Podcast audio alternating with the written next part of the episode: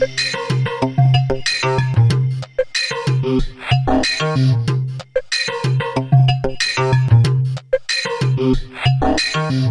1 en 2 staan onze boeken in de Management tot 100 op dit moment. Tijd voor een goed gesprek en het delen van onze visie op ondernemerschap.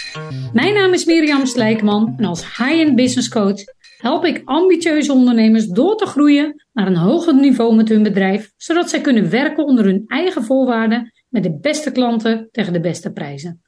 In mijn podcast spreek ik met deelnemers uit mijn programma, oud-klanten en of andere high-end ondernemers uit mijn netwerk. Ik ben nieuwsgierig naar hun drive, de weg die zij hebben afgelegd en vooral welke impact zij willen maken voor hun klanten.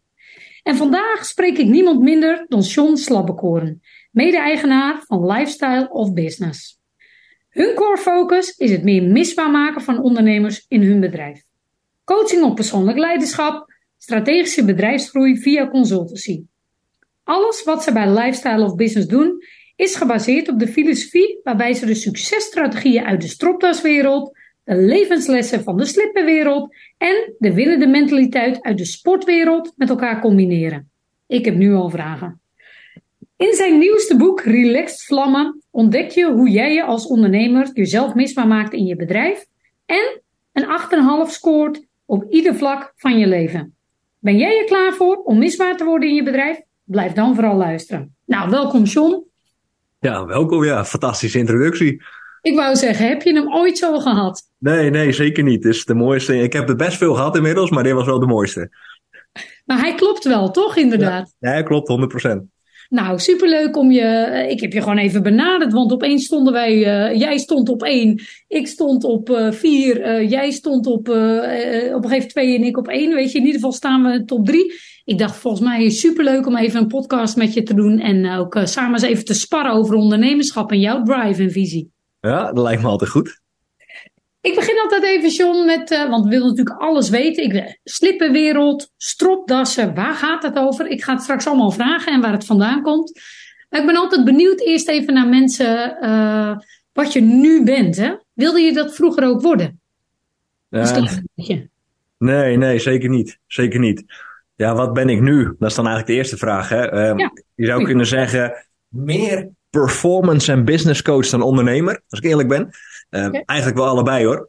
Alleen ik doe dit bedrijf, of Business, samen met mijn vrouw en businesspartner, Jeanette, Jeanette Wolf. Zij is dit ooit gestart, ik ben erbij gekomen en zij is veel meer de leider, de ondernemer van de twee dan ik dat ben. Oh, wat grappig. Kun je er iets bij vertellen? Hoe is dat ontstaan dan? Ja, Jeanette en ik zijn eh, nu bijna 18 jaar samen. Best wel lange tijd. Zij was 15, ik was 16. Een soort van samen opgegroeid. Andere kant van het land. Ik woonde in de Hoekse Waard, onder Rotterdam. En zij woonde in Drenthe, de wijk of all places, waar we nu ook zijn, as we speak, waar ik ook woon. Dat was 200 kilometer bij elkaar vandaan. Wij leren elkaar kennen in Oostenrijk in, eh, in de zomervakantie. Dus niet in de winter, dat denken mensen. Zomervakantie leren we elkaar kennen. Wij 15 en 16. Ik denk dat wordt helemaal niks. Want het was veel te ver uit elkaar. 200 kilometer, enkele reis. Toch geprobeerd. Jarenlang van Rotterdam naar Meppel met de trein heen en terug. Ik kwam hier heel vaak. En eh, in die tijd, nou, ik was 16, dus ik was nog HAVO. Toen ging ik ehm Hogeschool Rotterdam civiele techniek studeren. Bruggen bouwen, tunnels bouwen. Met het idee om daar uitvoerder te worden. Dus mensen aansturen, van daaruit projectleider, directeur, een beetje zoiets. Dat had ik bedacht. Er komt, ik kom heel erg uit een eh, zeer behouden en traditionele familie. Als ik doe het maar normaal, dan doe je al gek genoeg. Oh, ja, gaat nou, gewoon, dat, dat ken ik inderdaad. eh. Ja, veel mensen kennen dat, ja. Eh, het is gewoon, eh, ja, je, be- je bewandelt een bepaald pad. En idealiter doe je dat gewoon vanaf dat je 20 bent tot dat je 65 bent of dat je 70 bent. En eh, ja, dat is een beetje je leven. Dus ik Maar ging daar ook. daarin is, het, daarin is het natuurlijk ook veranderd. Hè? Want vroeger was dat ook zo, zeg maar. Hè? Toen was het veel Ja. meer kiek één ding en doe dat heel lang. Maar daarin is het natuurlijk, zitten we wel in een andere maatschappij op dit moment ook. eh, zeer zeker, zeer zeker. Dus ik had dat bedacht voor mezelf. Maar ja, ik kwam al bij Jeanette en ik zag dat het ook anders kan. Want Jeanette, haar ouders, die hebben altijd een winkel gehad, altijd ondernemend geweest. En gewoon een heel andere mindset ook. Dus daar kwam ik er wel een beetje in, maar nooit met het idee, hey, ik ga zelf lekker ondernemen. Jeanette, die wanneer, wanneer is je net gaan ondernemen dan? eh, eh, op haar zestiende.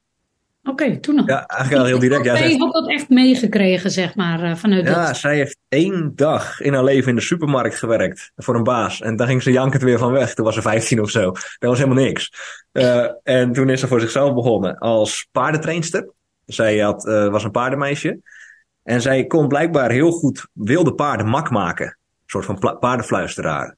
Nou ja, en dat is een beetje hoe dat gaat in business. Hè? Van mond tot mond. Van hé, je moet Jeanette Wolf hebben, want die kan die paarden. En, en zodoende ging dat hier in de regio ging dat steeds beter. Dus ze kregen ook steeds moeilijkere paarden. En toen was het was 2012. Ik was inmiddels werkzaam in de civiele techniek. Gewoon, ik denk, mooi, elke dag half zes van huis, s'avonds half zes terug. Niet dat dat mijn voorkeur had, maar dat hoorde erbij werken in de bouw door heel Nederland heen. Je wist zij, niet meer. Precies. Nee. En zij was die paardenbusiness aan het opbouwen. En toen was het één keer op een zaterdag, 2012 in de zomer, toen werd ik opgebeld. Ik was bij vrienden, door Jeanette vader. je moet eigenlijk thuiskomen, maar ik was in Strijen, waar ik vandaan kom, 200 kilometer verder. Want Jeanette is van de paard gevallen. Schrik niet, ze ligt nu in de ambulance naar het ziekenhuis. We weten nog niet precies wat er is. Dus ik kwam daar in het ziekenhuis, ruggenwervel gebroken. Dus ze zat op zo'n wild, paard. Ze werd van het paard afgeslingerd, een ruggenwervel gebroken. Maar toen, dat, dat is eigenlijk de basis geweest van de business zoals wij het nu hebben. En eigenlijk in ieder geval wat wij zeggen, wij helpen ondernemers van vakman doorgroeien naar leider in hun bedrijf. Jeanette die, die was het bedrijf in die tijd. Jeanette deed alles zelf. Maar op het moment dat je echt alles zelf doet, overal verantwoordelijk voor bent, en dat is klaar, omdat zij het niet meer kon. Ze kon niet meer op dat moment paard rijden. Het scheelde maar één ruggenwervel of ze was verlamd. Nou, dat was gelukkig niet zo. Maar toen was ze ook klaar met die business. En toen is zij diëtist geworden. Toen zijn Jeanette haar ouders met, haar, met hun winkel hier weggegaan in dit pand. Dus dat kwam vrij. Toen zijn wij daar een sportschool gestart. En Jeanette een diëtistenpraktijk. Ja, jullie zijn wel veelzijdig zeg, jeetje. Ja, ja, ja, ja zeker. Veel ervaring ook. Uh, toen, toen was ik nog steeds in die tijd uh, werkzaam in de civiele techniek. Maar ik ging steeds meer Jeanette helpen in die toenmalige sportschool. Want ja, Jeanette die kon hulp bij gebruiken, uh, meer, meer achter de schermen. Jeanette was eenmaal het gezicht en de diëtist. En toen kwam ik een keer thuis, 2015, en toen zegt Jeanette, ga even zitten. Toen dacht ik, oh man, als ze dat zegt op die manier. Als een dan... vrouw zegt, ga zitten, dan is het menens, jong. Ja, ja, ja, ja. Nou, dat dacht ik dus ook. Ja, op zich was dat het ook, maar niet hoe ik dacht dat het was. Ik denk, hey, of zwanger, of ziek, of ze wil bij me weg of zo, weet ik veel. Dus ik ging zitten. Lang verhaal kort. John, het wordt tijd dat je stopt met je baan. Toen dacht ik, oh, oké, okay. niet bedacht. Zeer behoudend was ik in die tijd. Heel andere persoon dan ik nu ben. Begin 2015. Uh, stop, dat je met je, stop met je baan. Dus ik moest heel even processen. En toen trek ze zo een uh, wereldkaart, trek ze open. Want ik heb er even over nagedacht. Dan uh, gaan we de business online. Dat was in dezelfde adem, hè? Dan gaan we de business online maken. En dan gaan we samen de wereld over reizen. Oeh, ja. Toen moest ik dat even verwerken, een maand of acht, letterlijk. Toen ben ik gestopt met mijn baan. En toen ben ik bij Jeanette in het bedrijf gekomen. Dus dat is zeg maar de ontstaansgeschiedenis van John de Ondernemer. Wauw, wauw, inderdaad. En, en je zegt, hè, want nu, ja, we begonnen eigenlijk met de vraag, wie ben je nu? Hoe, hoe zou je jezelf vooral uh, positioneren dan nu, John? En wat is jouw functie dan ook vooral hoe, binnen dit bedrijf?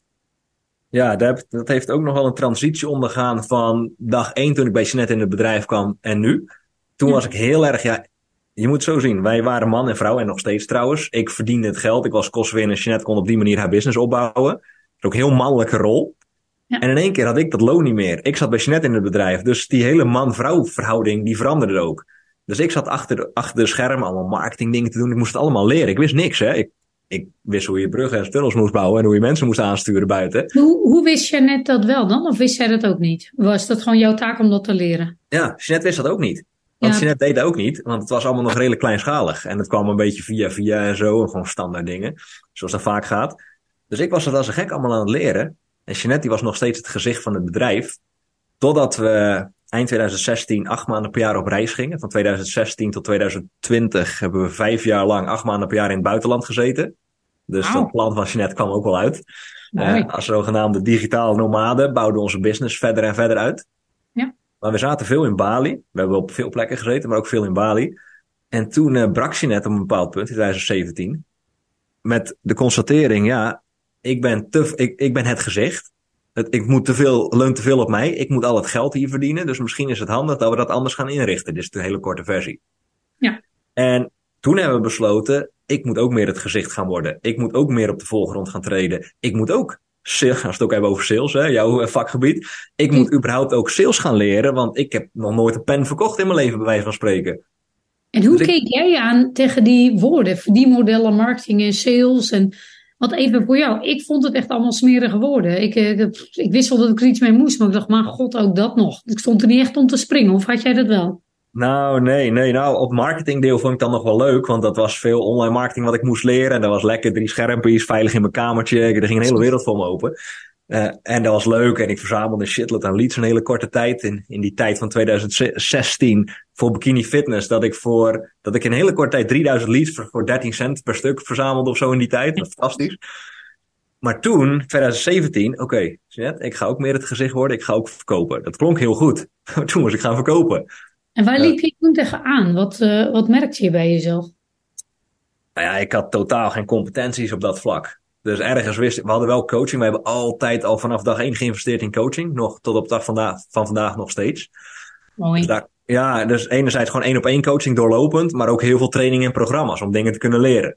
Ja. Dus ik zag al heel snel in, oké, ik kan wel gewoon mensen gaan opbellen, maar ja, wat ga ik ze zeggen? Uh, kan ik me mezelf voorstellen en ik wist totaal niks. Dus wat ik toen deed, ik ging kijken, hey, wie is er goed in sales? Nou, toen kwam ik bij Jordan Belfort uit, de Wolf of Wall Street. Oh ja. ja. En uh, de meesten kennen hem wel, in ieder geval van de film, de Wolf of Wall Street. Ja. En ik denk, hey, dat is handig. Hij heeft een bepaald systeem ontwikkeld. Ja, wist ik veel. Dat was het eerste beste systeem wat ik tegenkwam. Het klonk goed. Nou, dan ben ik dat gaan leren. En uh, ik doe veel door te doen. Dus ik was het aan het leren, niet alleen theoretisch. En toen ben ik gewoon mensen gaan opbellen. Ben ik verzoeken gaan doen. En daar had ik echt geen kut zin in, in 2017. Maar ja, het moest toch. Want ja, ik had tegen Jeanette gezegd, hey, ik ga mijn mannelijke rol meer terugpakken. Ik ga zorgen dat jij weer meer naar de achtergrond kan. Dat was ook niet echt een keus. Um, dus toen ging ik eigenlijk van Sean de marketeer naar Sean de verkoper, naar Sean de, de, de coach, consultant meer eigenlijk. Ja. En, en ik was het op dat moment eigenlijk nog allemaal, als ik heel eerlijk ben. Ik was een soort van samen met Jeanette het bedrijf.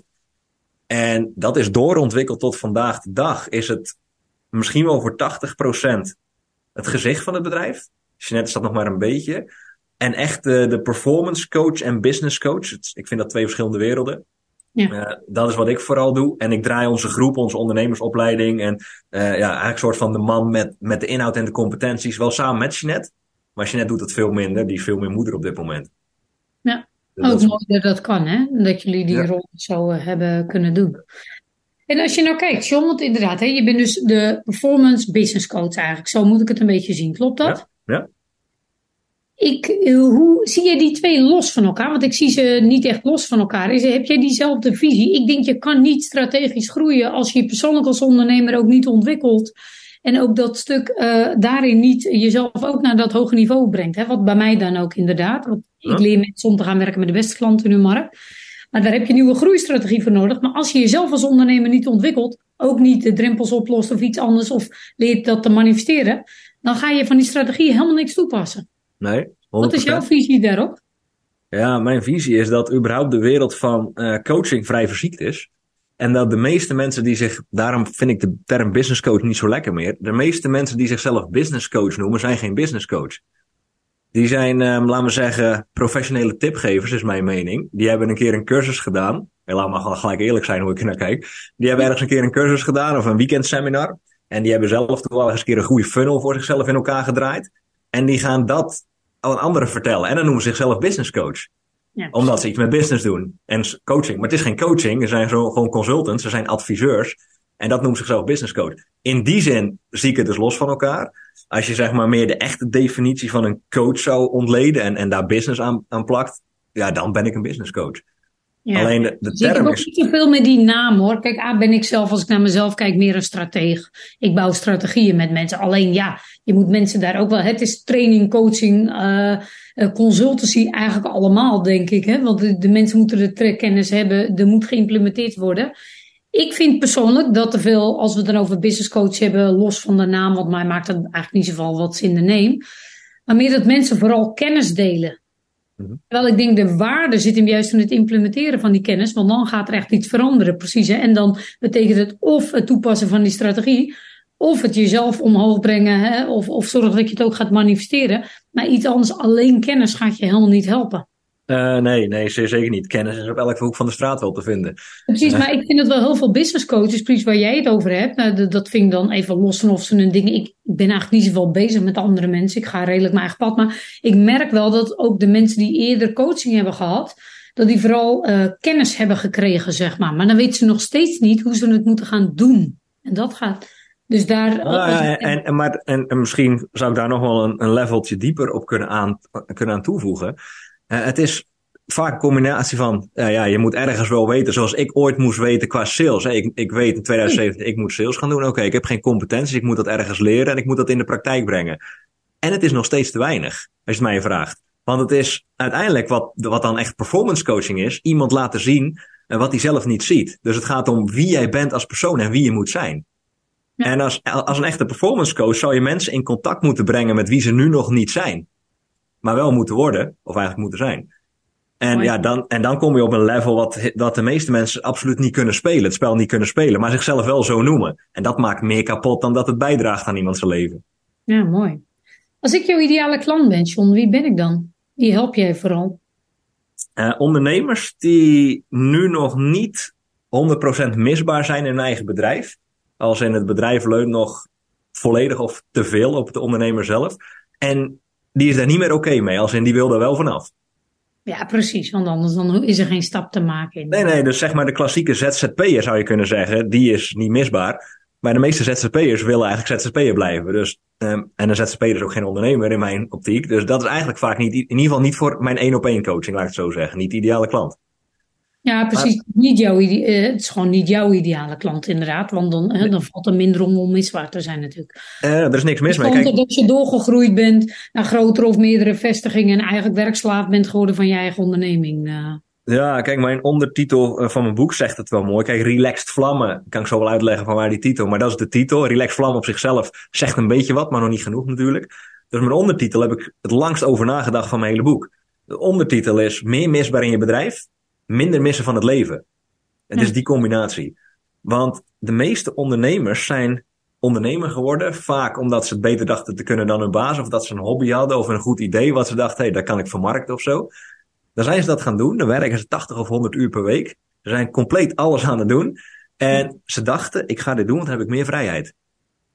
En uiteindelijk uh, is een soort van het tegengestelde waar. Iedereen kent de voorbeelden wel.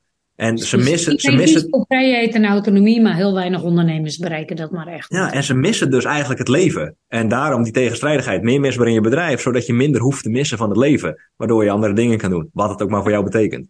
Dus tijd en kwaliteit is ook voor jouw ondernemers, eigenlijk jouw ideale klant, het belangrijkste koopmotief. Ja, ja zeer zeker. Ja, precies. Ja. Hey, en we hebben het over uh, stropdaswerelden, slipperwerelden, uh, sportwerelden. Neem eens even mee, want ik was super getriggerd. Daarom heb ik het ook even in de intro. Laten we beginnen met de stropdaswereld. Ja, ja, ja. Waar ja. komt dat vandaan? Nou, dat, uh, wij zijn in 2016, eigenlijk toen ik net ongeveer gestopt was met mijn baan. Toen ik bij Snet in het bedrijf zat, toen dachten wij, hey, als wij zelf badasses willen zijn in business, dan zullen we ons moeten omringen met badasses in business. Daar kwam het op neer. Toen kwamen wij in aanraking via via met de toenmalige Straight Line Business School van Straight Line Leadership. Ken ik, ja. Ja, en dus wij gingen die business school doen. Ik denk, hé, hey, dat is echt wel een toffe wereld. Hè? Daar, uh, en we zijn er nog steeds. En het heet geen business school meer. Uh, ik zit daar nu in Inner Performance Coaching om echt mijn coachingcompetenties vandaan te halen. We zijn er al die jaren al. En dat vind ik echt de stropdaswereld. Dus echt gewoon de man in pak, zakelijk, uh, nou ja, high-end zou je kunnen zeggen. Maar wij hebben dus de, Daar staat de stropdaswereld voor, ja, inderdaad. Grappig. Ik was al benieuwd, maar uh, ja, precies. Ja, ja, dat is in ieder geval ons, uh, hoe we dat zagen. Ja. En, en ik vind het zelf ook tof. Ik heb een paar maatpakken. Pas op mijn boeklancering had ik weer een nieuw maatpak. Ik had toch niet de stropdas gedaan, want ik wilde het iets luchtiger houden. Maar soms, ja, ik zit heel veel thuis. Maar als ik uh, een mastermind host of zo, dan doe ik nog wel eens een stropdasje aan en een maatpak. Vind ik mooi. Dus ik vind het wel ergens wat gaafs hebben. Alleen, ja. ik vind het een beetje dom of zo als ik achter Zoom zit om vol in pak te zitten. Vind ik een beetje over de top. Wij waren tussen 2016 en 2020 dus acht maanden per jaar op reis. Toen hadden we letterlijk alleen maar blote voeten of slippers. En toen kwamen we erachter, hey, ergens als we in Nederland zijn, die hele zakelijke wereld trekt ons wel. Dat echt wel meer high-end en serieuze spelers en targets. Maar ja, dat meer dat soort van hangmatleven. Uh, we waren nog steeds 80 uur per week aan het werk trouwens, hoor, in, buiten, in het buitenland. Maar gewoon het kunnen lopen in een korte broekje en, uh, en slippers. Ja, vind ik ook fantastisch. Dus we moeten eigenlijk die werelden combineren. En dus dat zijn die twee werelden. Ons logo, ons bedrijfslogo is ook de stropdas en de slipper. Grappig. En toen later, om dat eigenlijk ook wat meer lekkerder te laten backen en, en een volledige eigen filosofie te ontwikkelen, kwam daar die sportwereld nog bij.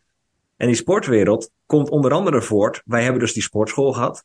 Maar wij, zaten, wij waren ook bodybuilders. En ik nog steeds eigenlijk. Dus Jeanette en ik deden zelf bodybuilding, een paar wedstrijden gedaan. Uh, vrij extreme sport zou je kunnen zeggen, bodybuilding. Ja. Maar wij hadden een bikini fitness atletenteam. Dat is een klasse in bodybuilding. Nou ja, dames in bikini. En daar hadden we iets van uh, altijd 25, 30 atleten lopen. Gingen we mee naar die wedstrijden. Backstage bij die bodybuild wedstrijden. Ja, bodybuilding, dat is denk ik op het laagste van het laagste amateurniveau nog steeds een sport die je moet benaderen als een absolute topsporter. Ja. Zoals wij dat ook deden. Uh, ik ben nu op As We Speak in voorbereiding, niet op een wedstrijd, maar wel op een fotoshoot, een bodybuild fotoshoot over twee weken van nu. Het is dat ze de luisteraars me nu niet kunnen zien, maar daarom heb ik zo'n ingevallen gezicht op het moment. Omdat ik een vetpercentage heb van een paar procent op dit moment. Uh, beste shape ooit. Maar ik merk het nu ook weer. Ja, dit kan je alleen benaderen als een topsporter. En dit is hoe wij ons hele leven, ons hele business benaderen als een topsporter. En als je dat interessant, hè, want dat vind ik ook veel high-end ondernemers met grote ambities zijn vaak ook high achievers. En ik heb ook, ik help veel mensen die eigenlijk vaak al in de topsport hebben. Ik, ik heb zelf ook hoge handbal eredivisie, zeg maar. Hè. Dus die tops, ik heb, werk ook samen met een mental coach die topsporters begeleidt. Om je peak, peak performance state ook. Dat is voor mij een onderdeel ook binnen mijn eh, programma als ik mensen help. Hoe zien jullie dat terug, deze drie werelden? Hoe vertaal je dat ook naar je, hoe jij ondernemers helpt, zeg maar? Waar zien we dat in terug in jullie begeleiding en uh, in de programma's die jullie hebben? Um, eigenlijk, nou ja, vanaf eerste kennismaking tot aan dat iemand één op één cliënt is. Wij hebben, hij staat hier achter me, kan je natuurlijk niet zien als je luistert, maar wij hebben een, een model ontwikkeld. Een vliegtuigmodel, omdat wij altijd op reis waren. Hey, de wereld van de luchtvaart, ja. komt ook in mijn boek helemaal terug. En die bestaat eigenlijk uit drie onderdelen, dat model. Ik zou hem kort beschrijven dat mensen die nu luisteren denken, hey, oh, dat klinkt logisch. Dat vliegtuig, dat zit in het midden van het model en achter dat vliegtuig hangen vier tegenstrijdigheden. Daar ga ik zo nog iets meer over vertellen. Dan hebben we linksbovenin van het model, ik kan hem eens dromen, ik heb hem zelf bedacht namelijk. Linksbovenin hebben we een koffer. En die koffer, dat is eigenlijk de koffer met ja, de vier belangrijkste pijlers die elke business groot of klein nodig heeft. Die koffer staat eigenlijk voor die successtrategie uit de stropdaswereld dat vliegtuig met die vier tegenstrijdigheden, dat staat voor um, de winnende mentaliteit uit de sportwereld. En dan hebben we rechts onderin een radar. En die radar bestaat ook weer uit vier onderdelen. En een radar is dan een radar uit het vliegtuig, zeg maar, van het stukje zichtbaar zijn. En die staat voor de levenslessen uit de slippenwereld. En die drie werelden leiden allemaal tot een resultaat. Die levenslessen uit de slippenwereld, die leiden tot het stukje meer misbaar zijn in je bedrijf, minder missen van het leven. Ja die successtrategie uit die stropdaswereld, dus die koffer met die vier pijlers die elke business nodig heeft, die leidt tot het stukje uh, minder misbaar in je bedrijf. En dan hebben we nog dat vliegtuig met die vier tegenstrijdigheden. Dus de winnen mentaliteit uit de sportwereld. Dat leidt tot een 8,5 op ieder vlak. Oh. Ieder vlak van het leven. Ja, dus dat zijn drie werelden die leiden tot drie resultaten. Ja, en die laten we in alles wat we doen. Podcast, betaalde programma's, mijn boek. Dat komt overal in terug. En in één op één coaching is het gewoon vaak wat iemand nodig heeft. Ja, soms is het wat meer focus op dat eh, drie maanden lang op eigenlijk die koffer. Gewoon de vier businesspijlers. Maar de andere keer moet iemand veel meer op die, die vier levenspijlers.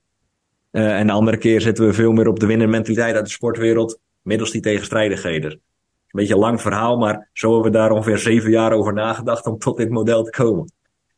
Zeven jaar, nou, Klinkt wel als een mooi model inderdaad. En ook heel helder. Ik hou ook van als mensen het kunnen vertalen gewoon ook naar Jip en Janneke taal. Hmm. Ik keep het simpel. Als ik één ding zie, en misschien heb jij dat ook wel bij de ondernemers, is dat mensen, dat wij ondernemers het heel complex kunnen gaan inrichten. Terwijl eigenlijk is de kunst keep it simpel. Weet je wel? Doe de goede dingen, maar het is heel moeilijk om dingen simpel te houden. Hè? Dus in die zin. en ik vind het ook altijd heel mooi als je het kan vertalen, gewoon eigenlijk naar een soort Jip en Janneke taal, dat iedereen het begrijpt. Ja, het is, dat is nu de, de oh, feedback. dit model.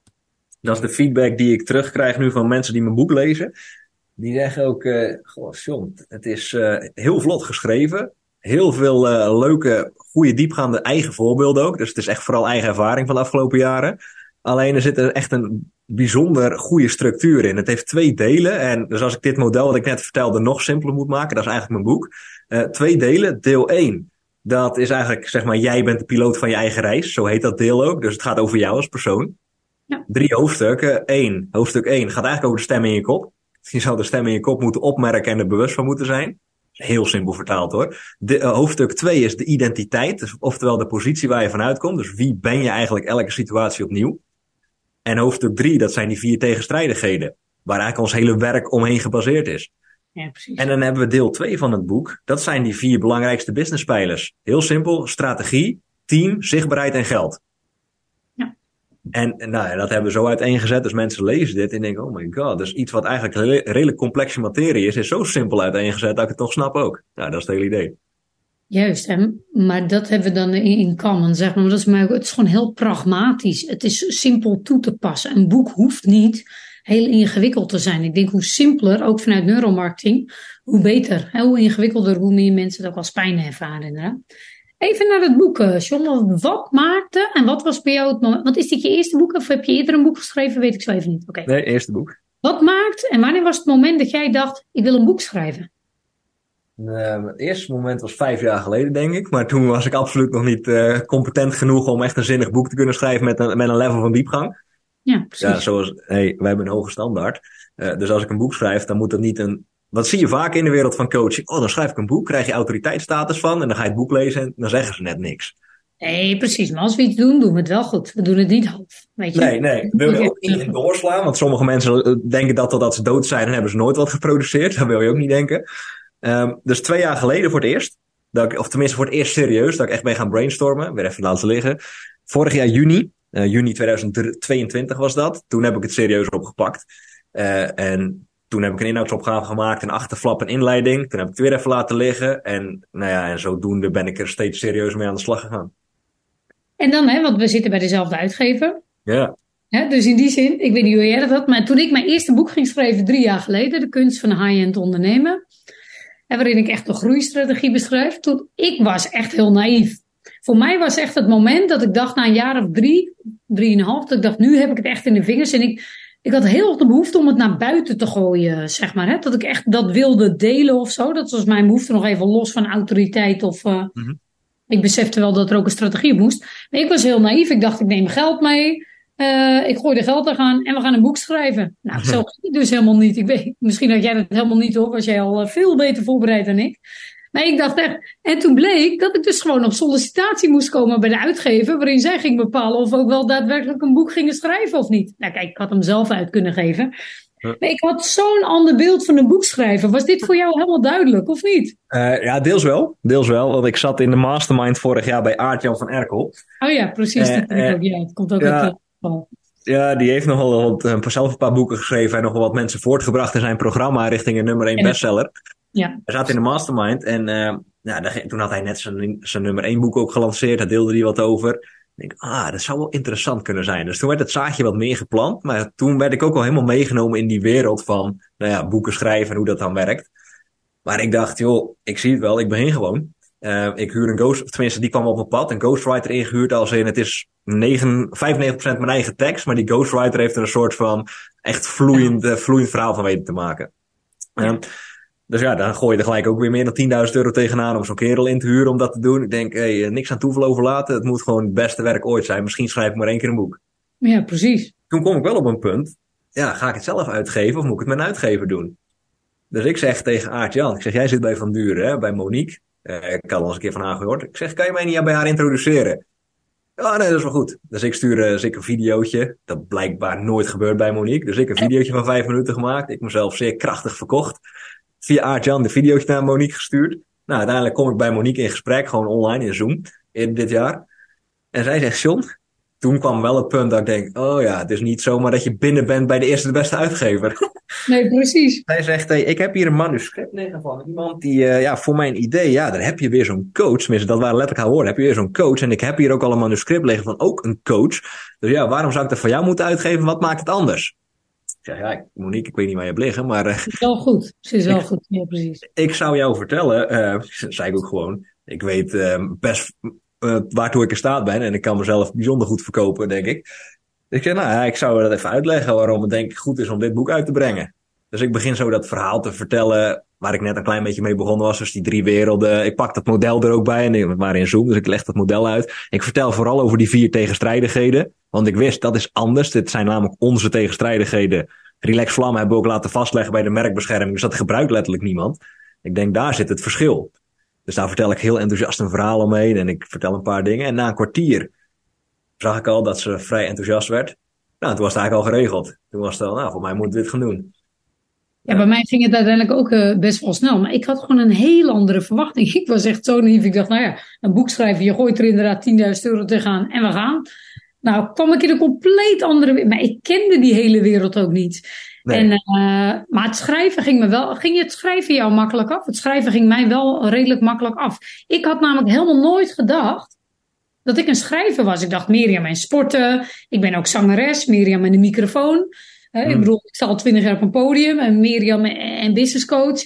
Maar Mirjam en een boek, dat vond ik wel echt twee. Ik dacht dat. Nou, die had ik gewoon nooit zo met elkaar gelinkt. Ik zag mezelf ook helemaal niet als schrijver.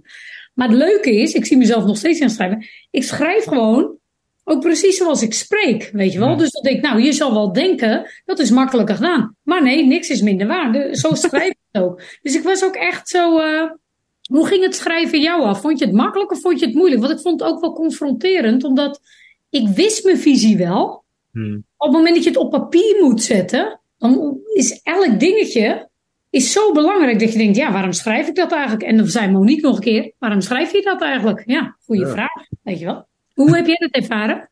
Ja, ja, ja. Uh, nou, ik had heel duidelijk de inleiding, dus de structuur van mijn boek. Waarvan ik wist, oké, dit is de kapstok. Heb ik er lang over nagedacht. Een leuk verhaal uh, voor een andere keer, maar ik ben gewoon in een caravan gezeten met alleen maar water voor 40 uur lang, watervasten. Met het idee, nou, de komende 40 uur heb ik uh, de outline van mijn boek. Dat was ook echt zo. Toen had ik hem dus helemaal uitbedacht. En toen hm. wist ik, nu wordt het een invuloefening. Het is puur het werk wat we al jarenlang aan het teachen zijn. En nu is het zaak dat ik de goede verhalen erbij krijg, dat ik lijn in, in, de, in de hoofdstukken krijg. En toen ben ik, dat is ook wel grappig, verwachten heel veel mensen niet van mij. Uh, Jeanette is altijd heel spiritueel. geweest ook al. Heel veel ayahuasca's gedaan en alle ayahuasca ceremonies. En die had een keer van die chocobliss chocolaatjes. Dus daar zitten wat van die microdosing truffels in. Kan je focus van krijgen, geestverruimend zou je kunnen zeggen. en ik denk, weet je, ik probeer dat ook eens een keer. Zo'n zo'n half chocolaatje, kijken wat dat doet. dat was fantastisch, hè. Dus ik ging met een half chocolaatje onder invloed ging ik zo zitten typen. En ik kwam in één keer tot verhalen waar ik anders nooit toe was gekomen. Jouw dus... boek is gewoon gestoeld op, eh, op, eh, je was gewoon uh, onder invloed. Eigenlijk zou je dat wel zo kunnen zeggen. Ja, daardoor heb ik voorbeelden. Positieve invloed. Ja, ik heb afgelopen week mijn boek ingesproken in de studio als audioboek. dus toen kwam ik er weer achter wat ik ook alweer allemaal had geschreven. Want sommige dingen waren wat langer geleden. Maar dit was eigenlijk echt wel heel fantastisch. Zeg, dat ik dit heb, dat heb ik ook als ik denk, wat briljant echt wat ik schrijf inderdaad. ja, ja, ja. Dat had ik best wel vaak, ja. Nou, even voor jou. Kijk, voor mij was het ook mijn eerste boek. Heb ik binnen acht weken geschreven. En, en nu dit boek, De Kunst van High-End Sales, binnen vijf weken. Dus ik ben echt... Uh, Monique stond ook met haar oren te klapperen. Uh, jij bent gewoon niet normaal of zo. Als je eenmaal helder hebt, is het inderdaad de invuloefeningen. Maar dan nog dacht ik, ja, waarom schrijf ik eigenlijk wat ik schrijf? Ik vond het wel weer... Mijn boek heeft wel gemaakt dat ik echt weer een verdiepende slag heb gemaakt. Dat ik nog beter begrijp, bewust, waarom ik de dingen doe. En dat vond ik ook wel mooi aan dit schrijfproces.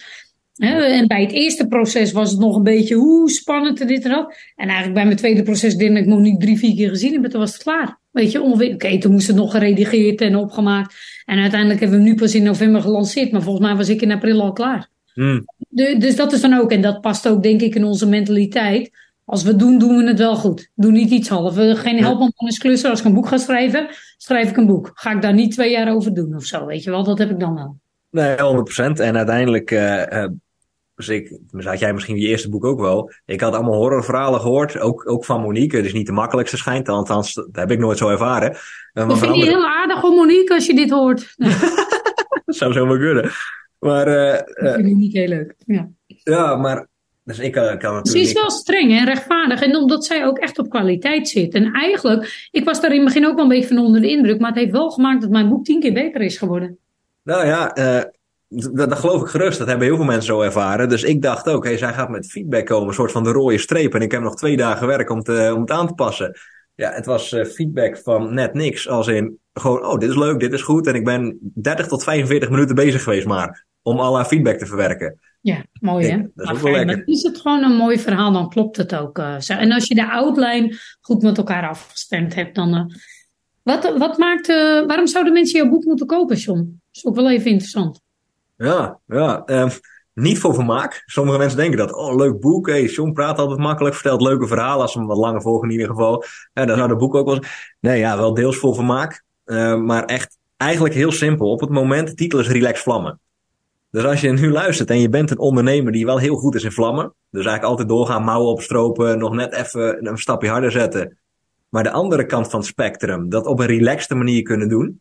Relax vlammen betekent in ons uh, vocabulaire ook hoge ambities en doelen blijven bereiken met een doorlopend vakantiegevoel. Ja, ja, als het eigenlijk aan dat doorlopende vakantiegevoel ontbreekt, terwijl je wel die hoge ambities hebt, nou, dan is het misschien interessant om het boek te lezen. Ik zeg altijd, je kunt uh, rennen vanuit versnelling 9 en keihard knallen vanuit versnelling 4. Hmm. Weet je, daar wil ik je naar terug. De meeste mensen rennen als zo'n hamster uh, in een rat. Weet je wel, als je gewoon vanuit versnelling 4 de rust en het overzicht behoudt en gewoon relaxed bent, kun je eigenlijk nog veel meer stappen maken, want dan maak je ook de juiste stappen, weet je wel. dat is voor mij, het gaat niet om de veelheid. Bij mij is het erg, het gaat niet om de veelheid, het gaat om de kwalitatieve stappen. Weet je, en dat alleen als je het vanuit rust en kwaliteit ook aanvliegt. Ja, dus niet het... Meeste ondernemers hebben die rust natuurlijk niet. Nee, maar dat is het, die rust niet ervaart, kun je, want ik geloof wel heel erg dat alle antwoorden in mensen zelf zitten. Alleen mensen kunnen niet meer bij alle antwoorden die ze hebben, omdat ze de rust vaak ook niet hebben en het overzicht. Uh, exact, exact. Oh, inderdaad. hey, uh, John, inderdaad, we zijn een beetje, ik, uh, ik zit een beetje te kijken inderdaad of er nog leuke vragen zijn. Zijn er nog leuke dingen die jij wilt delen met, met luisteraars inderdaad? Want we zijn er nou toch? Ja, nou ja, goh, ik, ik kan nog vier uur leuke dingen delen hoor. Maar um, nou, wat is belangrijk, eh, en dat is misschien ook wel even bij jouw ondernemers, uh, wat is de belangrijkste uitdaging die jouw ondernemers, die jij helpt, ook echt met zichzelf aan moeten gaan? Want ik bedoel, ze kunnen natuurlijk van alles leren, maar ze moeten ook, vaak hebben ze een belangrijke uitdaging die ze ook echt met zichzelf aan moeten gaan. Wat is dat bij jou? Bij jullie? ja, het is vaak eigenlijk de combinatie van de basis van de basis. En dan heb ik het niet zozeer over de basisstrategieën, maar de basis van de basis van wie ze zelf zijn. Dus eigenlijk hoofdstuk 1 en 2 van mijn boek, die stem in hun kop, we noemen dat het reptiele brein. Uh, en, en de identiteit. Die stem in hun hoofd, hè, de meeste mensen die zijn zich daar absoluut niet van bewust. Echt bij far de meeste mensen niet. Maar het gebeurt ook denk ik heel veel onbewust. Ja, ja zeker, van 95 ja, of zo. Paul, Smit, Paul Smit zegt 100% is onbewust en de rest rationaliseren we. Nou ja, dat is ook nog wel een goede benadering. Maar in mijn boek, uh, mensen, ja, oh, reptiele brein, stem in je hoofd, interessant. Dat kan ik wel, dat snap ik wel een klein beetje. Um, twee dingen hierover, dat is altijd wel interessant. Eén, om het mensen echt gelijk te laten pakken, is het klassieke voorbeeld van de wekker. Dus mensen, wij zitten allebei hoog in energie. Dus mensen luisteren deze podcast, die worden helemaal upgehyped als dat een woord is. Oh, interessant. Oh, die 8,5 op ieder vlak. Weet je wat? ik ga morgenochtend weer beginnen met hardlopen. Want uh, ik ga weer wat aan mezelf doen. Dus ik ga morgenochtend om, uh, om 7 uur uit bed in plaats van om 8 uur. En dan uh, mijn hardloopkleren leg ik al klaar en dan ga ik echt beginnen. En voel je me aankomen, dan gaat die wekker om 7 uur. Oh my god. Het is echt nog vroeg, hè? het is ook een beetje regenachtig en grijs en bijna weekend. We zitten straks met de kerstperiode, weet je. Ik begin wel gewoon in januari, dat is beter. Wekker weer verzetten, uurtje blijven liggen. Dat is allemaal onder invloed van dat reptiele brein, die interne werelddialoog, oftewel dat gesprek met onszelf. En dan horen mensen een voorbeeld. Oh ja, dat snap ik inderdaad wel. Ja, ja, ja. Dat is op mij niet echt van toepassing, maar dat denken ze dan. Hè? En ik heb in, mijn boek een oefening, een fantastische oefening. Dat noem ik de muurkijkoefening. Dus als iemand nu luistert, denk ik, oh ja, ik zou er wel eens even willen aangaan. Dan zou ik zeggen, ga gewoon uh, nu zo meteen, als, je, deze podcast klaar is, zoek een muur op. Een egale muur wit, zwart, maakt eigenlijk niet zoveel uit. Je gaat staan, je zet even je timer op één minuut om te beginnen. En je gaat een minuut lang naar die muur kijken. En dan eens kijken wat er gebeurt. En dan uh, bij de meeste mensen die denken, oh my god, waar, waar, slaat dit op? Wat is dit voor oefening? En dan staan ze een minuut naar die muur en dan zitten ze te wachten dat die wekker gaat. En in de tussentijd hebben ze 325.000 gedachten. Hoe lang duurt het nog? Hé, hey, die muur ziet er ook niet meer zo mooi uit. Die moet ik even verven. Wat gaan we vanavond eigenlijk eten? Maakt niet zoveel uit. Al die gedachten de vuilnis komt toch buiten? Ja. Echt, maar precies dat. Dat is allemaal, je zou kunnen zeggen, interne werelddialoog. Een gesprek met jezelf. Die de show runt. Want dat gesprek is er dus heel de dag. Dus het is eerst bewustwording. Je zal eerst en altijd de bewustwording moeten creëren dat het er is. En daarna zou je het aan de kant moeten kunnen zetten. Want het gesprek met jezelf dient je heel vaak niet. Hoe vaak mensen nu al, dat weet ik 100% zeker, die nu het afgelopen half uur naar deze podcast hebben geluisterd, al een gesprek gehad hebben met zichzelf over of ze het eens zijn met wat wij zeggen, waarom we dit zeggen, uh, al die gedachten tussendoor. Het is allemaal interne werelddialoog. Op het moment, en dat is ook met sales, hè, als, je op, als je dit niet snapt, als je dit niet de baas kan zijn, kan je niks verkopen. Niet van 10 euro niet, niet van 100.000 euro niet. Je gaat niks verkocht kunnen krijgen. Precies, als je het zelf dus, niet verkoopt, gaat het sowieso niet lukken. Dus de, de echte oefening hier is, je gaat naar die muur kijken, je ervaart die gedachten en je zegt elke keer twee magische woorden als die gedachten opkomen, niet dat. Oh ja. Niet dat. Dus je zet daarmee eigenlijk je gedachten aan de kant. Ik heb het altijd over een soort, uh, soort duiveltje wat op je schouder zit, wat je niet dient. Dat ik gewoon even zo. gewoon even, even weg, weet je wel. Zo letterlijk even alles wat je niet. Even, of je wacht maar even. Ga maar even op het parkeertrein wachten, want ik ben nu even bezig met iets, weet je wel. Ja. Zo, zo doe ik het vaak ook naar ondernemers. Maar het is een beetje hetzelfde. Uh, maar als je, ja, zo kwam je vraag ook van ja, waar lopen de meeste ondernemers tegenaan? Ja, in de basis eerst maar eens meer bewust worden van wie ze eigenlijk zijn. En wie ze niet... Ja, precies. Wat is de belangrijkste uitdaging? Dat met, dus het is ook belangrijk, en daarin denk ik dat het bij jou hetzelfde is als bij mij. Kijk, ik heb, mensen hebben geld, de ondernemers die ik help. Uh, mensen hebben een bedrijf, mensen hebben dit, hebben de competenties. Hebben de, maar als ze niet bereid zijn om echt dit proces met zichzelf aan te gaan, ook vanuit alle diepte, hè, en daar ook echt in te gaan, en dan kunnen ze wel zeggen van ja, maar dat niet aangaan, gaat er eigenlijk helemaal niet zoveel veranderen. En dat is denk ik bij jou ook zo. Mm. 100 procent. Um, daar heb ik ook in mijn boek uitgelegd. Uh, deel 1 en 2 zijn bewust in deze volgorde. Ik heb zelfs nog helemaal op het eind een inleidend tekstje geschreven bij uh, de inleiding van deel 1. Als in de meeste ondernemers willen absoluut direct door naar deel 2. De praktische tips en inzichten en handvatten. Precies. Alleen al die praktische tips, inzichten en handvatten, dat is net zoiets als dat je je huis gaat verbouwen. Je gaat nieuwe gordijnen ophangen, nieuw meubilair neerzetten. Ze zien allemaal fantastisch uit. Maar op het moment dat nog steeds weer een vrachtwagen door je straat heen rijdt en die, uh, die is heel zwaar beladen, met nieuwe meubeltjes en nieuwe gordijnen, stort het nog steeds even hard in. Het doet heel weinig. Mooi. Maar precies, dat is de reis die mensen wel bereid moeten zijn te maken. En dat zijn ook de meest succesvolle ondernemers die eigenlijk bereid zijn om ook de tussentreden te nemen, zeg ik het altijd, om echt boven te komen. Inderdaad, ja. ja. Leuk, John, inderdaad. Wat is een casus? We gaan uh, richting afronding bijna. Maar wat is een casus die je echt bij is gebleven, die je ook echt geraakt heeft? Dat je denkt, nou ja, daar hebben we zoveel voor een ondernemer het verschil kunnen maken. Uh, ja, dat is me wel echt bijgebleven. Of dat heeft me geraakt. Kan ook. Ja, dat zijn er best wel wat hoor. Maar uh, ik zou Kees eruit halen. Kees is uh, een aannemer. Kwam ruim twee jaar geleden bij me in coaching. Zit nog steeds in één op één coaching. Cliënten blijven vaak jaren hangen. Ja, als iets werkt, blijf je het doen. Zo simpel is het. Ja. En, en hij kwam echt als nou ja, klassieke vakman. Van vakman naar leider is een van de termen, een van de slogans die we vaak gebruiken. En het was, het was niet dat hij nog steeds met zijn hamertje zelf rondliep op de bouw, maar het scheelde niet veel. Hij deed bij wijze van spreken ook nog elke klus van elke wc-pot vervangen, deed hij ongeveer nog. Inhoudelijk expert versus leider. Ja, ja dus echt, zo, echt een, gewoon een vakman. En hij had al wel één of twee timmermannen eh, als ploegje. Maar hij deed ook nog zo'n beetje elke klus. En nu zijn we ruim twee jaar verder. En op dit moment heeft hij drie, drieënhalve ploeg ongeveer, die er op steeds voor hem op uitgaan. Inmiddels uh, twee mensen op kantoor, bezig met een derde. Uh, is totaal een soort van misbaar in de complete operatie. Is nu de stap aan het maken naar eigenlijk compleet misbaar te zijn in zijn bedrijf. Ja. En, dat is het allermooiste. In het allereerste begin zei ik, joh Kees, we moeten af van die projectjes van een paar duizend euro. Kost allemaal veel te veel tijd, veel te veel uh, resources. Je moet grotere projecten draaien, is makkelijker. Bijvoorbeeld 50.000, en hij doet verbouwing en renovaties. 50.000 op zijn minst. Ja, gaat nooit lukken. Dan gelijk gehypnotiseerd door die stem in zijn hoofd. Nu, vorige week was hij hier weer. En uh, een ton is al de ondergrens. Als in onder een ton hoef je niet meer bij hem te komen. Van verbouwing en renovatie. En hij is nu aan het doorpakken naar 150. En uiteindelijk wil hij zelfs naar 200.000 euro. Is gewoon een ander spel. En waarom raakte deze casus jou dan? Wat vond je hier zo tof aan? Uh, nou, niet... Maar wat, wat maakt dat deze jou raakt? Ja, en niet dat ik uh, word geraakt, uh, soort van emotioneel gezien, maar meer van, ja, dit belichaamt precies hoe we het ooit hebben bedacht. Mensen helpen van vakman doorgroeien naar leider. En dan was hij toevallig nog echt een letterlijk een vakman. En vakman is een heel breed begrip, of vakvrouw. Uh, hij heeft gewoon de stappen gezet. Niet zozeer, hey, je moet dit doen, want ik ben niet een of ander uh, uh, leraar die zegt, doe dit. Maar hij heeft gewoon alles gepakt, elke keer opnieuw. Hij komt elke keer opdagen in de gesprek. Hij doet wat hij moet doen. Doet de oncomfortabele dingen. En je ziet gewoon, het is het levende bewijs dat dat dan werkt. Ja, precies. Moed wordt ook beloond, hè? geloof ik heel erg vanuit het universum ook. Ja, en dan heb ik nog één andere, dat is een mooie denk ik, om af te sluiten. Dat is, veel zullen haar wellicht kennen als influencer zijn. Dus Cynthia van Structuur Junkie. Uh, verkoopplanners en zo. Nou, voor veel mensen online in ieder geval een bekende naam. Zij kwam vier jaar geleden bij ons, nog steeds in coaching, al ruim vier jaar. 30 kilo zwaarder dan dat ze nu is. Uh, met een business die totaal op haar leunde. En nu zijn we vier jaar verder in één op één coaching. En ze is 30 kilo lichter. Als er niet heb, ik heb haar geen voedingsschema's gegeven. Maar door de coaching is gaan inzien, ik moet ook aan mezelf gaan werken. Ja, precies.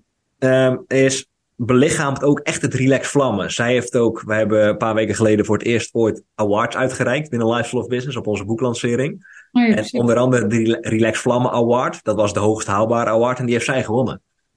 Relax Vlam is dus hoge doelen blijven nastreven met een doorlopend vakantiegevoel.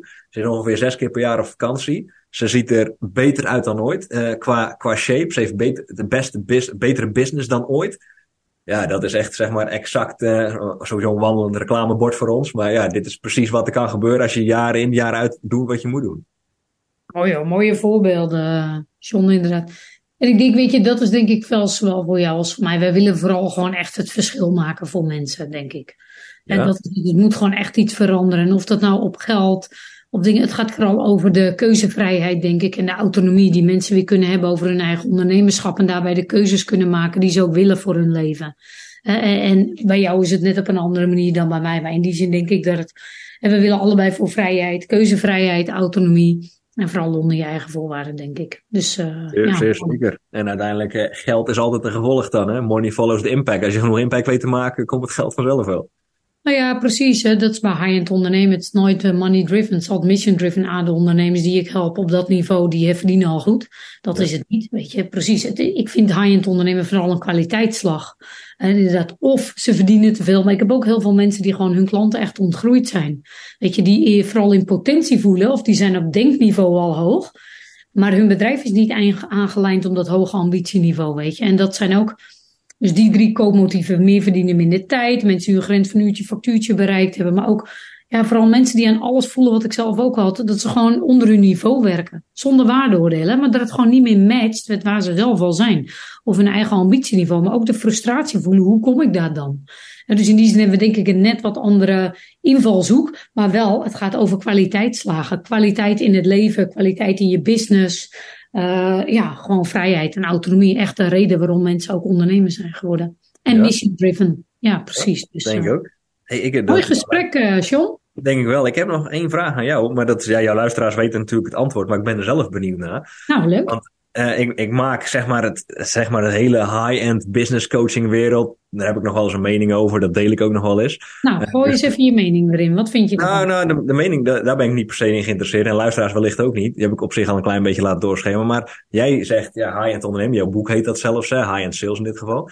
Wat is, wat is volgens jou dan de definitie van high-end ondernemen of high-end sales? Wat betekent dat? Voor mij is high-end ondernemen eigenlijk niks meer of minder dan gaan kiezen voor de betere klant in jouw markt. Ik zeg altijd, je kunt duizend mensen helpen voor 100 euro. Kun je ook heel succesvol mee worden. Je kan er ook 10 voor 10.000 euro helpen. Je verdient allebei een ton.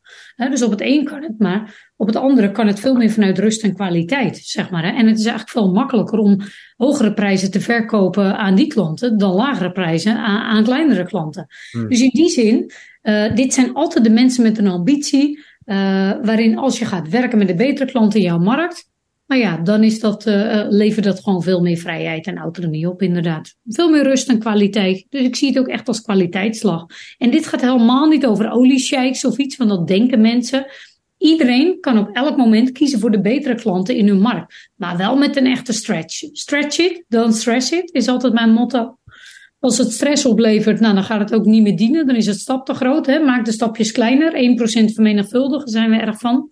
Maar denk wel groot. Want als je hersenen geen ruimte geeft, gaat die, die puzzel sowieso niet leggen. Hmm. Dus dat is eigenlijk voor mij niks meer of minder. Dus what's in the name maakt me ook niet zoveel uit. Het gaat om kiezen voor de betere, de beste klant in jouw markt. En dat betekent dat het ook veel meer exclusiever gaat. En in mijn groeistrategie, daar heb je de strategie die je tot dit niveau heeft gebracht, gaat je gewoon niet naar deze klanten brengen. Want je kan niet hogere prijzen verkopen aan dezelfde klant. Dus dat gaat over een nieuwe klant identificeren, die gap blootleggen, daar een aanbod op toepassen dat echt gericht is op waarde, niet op tijd, want daar zit een grote slag in. En als die fundering klaar is, dan moet je de marketing uitlijnen, maar wel met exclusievere marketingstrategieën. Hmm. Kijk, en daar zitten gewoon heel veel mismatches, want ja, als high-end klant hoef je mij niet in een challenge te stoppen van 28 dagen. Dat werkt wel bij low-end klanten, want die willen veel. Maar ik heb liever dat je mij in 10 minuten vertelt waar het over gaat. Dan spreek ik je nog 20 minuten en dan geef ik 25.000 euro uit. Dat zijn high-end klanten, weet je. Die kunnen moeiteloos hoge bedragen uitgeven als de visie en het verhaal en de, en de leiderschap en expertstatus klopt. Ja. Dus daarin, al die mismatches maken we de marketingstrategieën, lijnen, de positionering. Je bent wel expert, maar claim je ook die expertstatus. En als je die dan uitgelijnd hebt, met een complementair aanbod. Ja, dan moet je met de juiste salesvaardigheden ook echt nog die klanten goed gaan closen. En daar gaat dit tweede boek. In het eerste boek leg ik die hele strategie uit. De kunst van high-end ondernemen. Hoe ga je nou werken met een betere klant in jouw markt? En in het tweede boek gaat dan echt over die salesstrategie. Joh, dus niet die fundering en die marketing, maar echt over stel dat die klanten wel op je pad komen, maar hoe close je die gap dan ook goed via die goede salesstrategie? En dat begint inderdaad, high-end sales is echt iets anders dan gewone sales. Hmm. Andere low-end klanten kopen een product of dienst, high-end klanten kopen perspectief. Maar dat perspectief moet je wel kunnen schetsen. Weet je, en dat perspectief kan alleen High-end klanten kopen het alleen als je het af kunt zetten tegenover de return of investment. Ze willen moeiteloos. Ik heb zelf ook 50.000 euro geïnvesteerd in mijn eigen opleidingstraject voor één jaar. Hmm. Maar ik wist dat ik het terug ging halen. High-end klanten kijken vooral naar dat soort. Nou, en daar je eigen tendencies. Wat heb je meegekregen? Weet je, ook vanuit je opvoeding. Wat zit er in je eigen mindset? Uh, je investeringsmindset versus je je eigen persoonlijke geldmindset, uh, relatie met geld. Dat soort dingen allemaal belangrijk, maar ook hoe kwantificeer je de waarde? Ook een belangrijk. Ik denk dat heel veel ondernemers gewoon te weinig vragen. In ieder geval niet naar wat ze echt waard zijn. Nou, dat stuk zit hier helemaal in. En hoe close je dan ook die gap in zo'n salesgesprek? En hoe los je de bezwaar op? Nou, dat zit eigenlijk in deze salesstrategie in dit boek. Oké. en ik weet je, sales, dat is wel grappig, want geef dit antwoord op je vraag eerst even. Uh, ja, zeker. zeker. Uh, ik was ook benieuwd of er ook nog iets van een bedrag zou komen. Of dat high-end. Want sommige mensen, ja, je moet een programma van 5000 euro maken bijvoorbeeld. En dat noemen ze dan een high-end. Ik denk, ja, vind ik persoonlijk al niet echt high-end. Maar ja, wat is überhaupt high-end in geld? Ik zou het er geen antwoord op kunnen geven. niet. Want wat voor de een misschien, kijk, het begint wel 5000 is wel een beetje een ondergrens. Dat je denkt, hè, maar dat kan in groei. Soms hebben mensen het eerst nodig om dat te kunnen doen en het vertrouwen te kunnen ervaren. En daar gaan vaak eerst met een pijler de drempel over. Hè, dan is het wel 15 waard. Maar weet je, ik heb liever dat je de stap eerst maakt en het vertrouwen voelt en hem dan doorgroeit. Dan dat je de stap op 15 zet en je maakt hem niet. Hè, dus, maar in principe gaat het over ja, eh, het is zo brancheafhankelijk. Eh, ik bedoel, in de coachingwereld is uh, tussen 10, 10 en 40, 50.000 euro is eigenlijk redelijk normaal. In de bedrijfswereld begint het een beetje vanaf 25. En ja, ik heb wel help ook bedrijven in de data consultancy. Ja, daar begint het eigenlijk vanaf 80.000.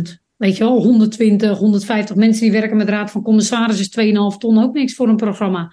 Dus het hangt ook een beetje vanaf in jouw business. Maar het gaat er ook om waar ben jij zelf? Ook in je eigen mindset. Weet je, dus ja, in die zin. En ik bepaal ook niet wat mensen nodig hebben om een ideale leven te leiden. Maar het zit wel op een hoger niveau, inderdaad. Ja. Het gaat dus niet over oliesheiks en dat is wel tof. Weet je wel, dat, daar hebben mensen wel echt een, uh, een mistake in high-end ondernemen. Dat ze denken dat het alleen maar over de Chanel's en iedereen, maar niet iedereen. Maar als je op een bepaald niveau bent, kun je altijd kiezen voor de betere klanten. Denk ik. Nou, zo kijk ik naar high-end ondernemen. Ja. Oké, mooi. Mooi. Leuk. Nou, hopen dat onze boeken nog lang in de top 3 staan, uh, John. Mensen kunnen ze natuurlijk gewoon lekker bestellen. Noem je boek nog even en waar, uh, als ze met jou in contact willen komen, wat is dan de beste manier om met jou in contact te komen? Ja, dus, dus eigenlijk via het boek. Uh, als eerste kennismaking buiten deze podcast om. En dat is heel simpel. Relax Vlammen heet het boek. Dus relaxvlammen.nl is de website.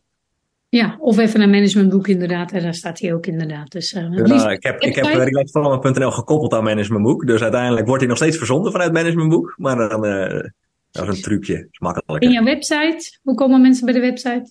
Uh, nou, het boekwebsite is relaxedvallen.nl. Maar de officiële Lifestyle Business website is heel simpel. lsob.nl. Afkorting oh, van Lifestyle Business. kun je altijd even linken ook op LinkedIn met John Slabbekoren en volg hem lekker. Dus en uiteraard uh, mochten mensen nog behoefte hebben, want ik denk dat onze boeken uh, in die zin, uh, we hebben een soortzelfde visie op ondernemerschap, maar de strategie en de aanpak is toch net weer ieder op zijn eigen manier. En dat vind ik ook, ik geloof ook erg in overvloed, daarom met liefde laten we een podcast doen, want ik denk dat ondernemers niet genoeg echt geïnspireerd kunnen worden ook met de juiste tools. En ik geloof er erg dat iedereen kiest wat bij hem of haar past, weet je wel. Dus in die zin de mensen die bij jou komen, komen bij jou. En de mensen die bij mij komen, komen ook weer bij mij. Dus in die zin uh, denk ik dat onze boeken gewoon uh, allebei uh, super tof zijn. En dat ondernemers daar heel veel uit kunnen halen. Ik vond het leuk, John. Ook leuk om zo kennis te maken. Ik heb je ook, want ik ken die helemaal nog niet zo goed, maar wel leuk om ook even naar de kennis te maken. Ja, ja zo anders heb je toch weer een ander beeld bij. Nou, precies inderdaad. Ik, ik zag je wel al een tijdje staan zo met je boek, maar ik kende je verder nog niet persoonlijk. Dus ik dacht, superleuk dat je hier aan mee wilde werken. Ja, Dankjewel ook voor je input en uh, het is een mooie podcast geworden. Lieve luisteraars, we gaan hem afronden. Nogmaals, wil je nog even met John Slabbekoren connecten via LinkedIn? Doe dat even. Of ga even naar relaxedvlammen.nl. Koop zijn boek, altijd leuk. En koop vooral mijn boek ook, De Kunst van High-End Sales. Dus je kunt ze gewoon allebei lezen. De feestdagen komen eraan. En maak er iets moois van. Volgende keer weer een nieuwe podcast. Wat het wordt, stay tuned. En je weet het, we houden het nog even geheim. Tot de volgende keer.